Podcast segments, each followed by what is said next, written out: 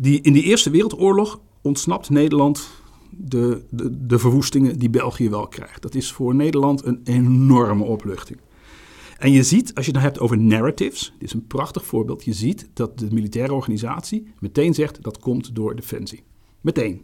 Maar omdat die politieke en maatschappelijke bezwaren tegen vechten in Nederland zo, zo groot waren, zag je eigenlijk dat commandanten in Afghanistan op elk niveau gedwongen werden tot politiek bedrijven. En eigenlijk heel erg risicomijdend soms te werk gingen.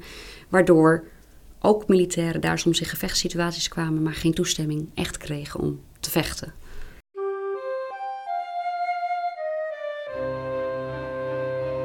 Dit is het tweede seizoen van Pallas Athena, de podcast van het War Studies Research Center van de Nederlandse Defensie Academie. Pallas Athena is dé podcast over oorlog, conflict, samenwerking en vrede.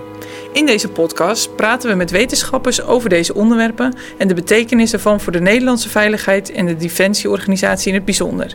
In dit seizoen komen de volgende onderwerpen aan bod: morele verwonding, de rol van technologische ontwikkelingen in de oorlogsvoering, de slag bij Chora en de Nederlandse neutraliteit tot aan de Tweede Wereldoorlog. Met deze podcast maakt u kennis met de mensen achter het onderzoek en hun concrete bevindingen. Soms gaat het om de theorie, vaak om interessante voorbeelden en daar waar het te wetenschappelijk wordt nemen we u aan de hand mee. Benieuwd naar wat de Nederlandse Defensie Academie in huis heeft? Luister dan naar de podcastreeks Pallas Athena.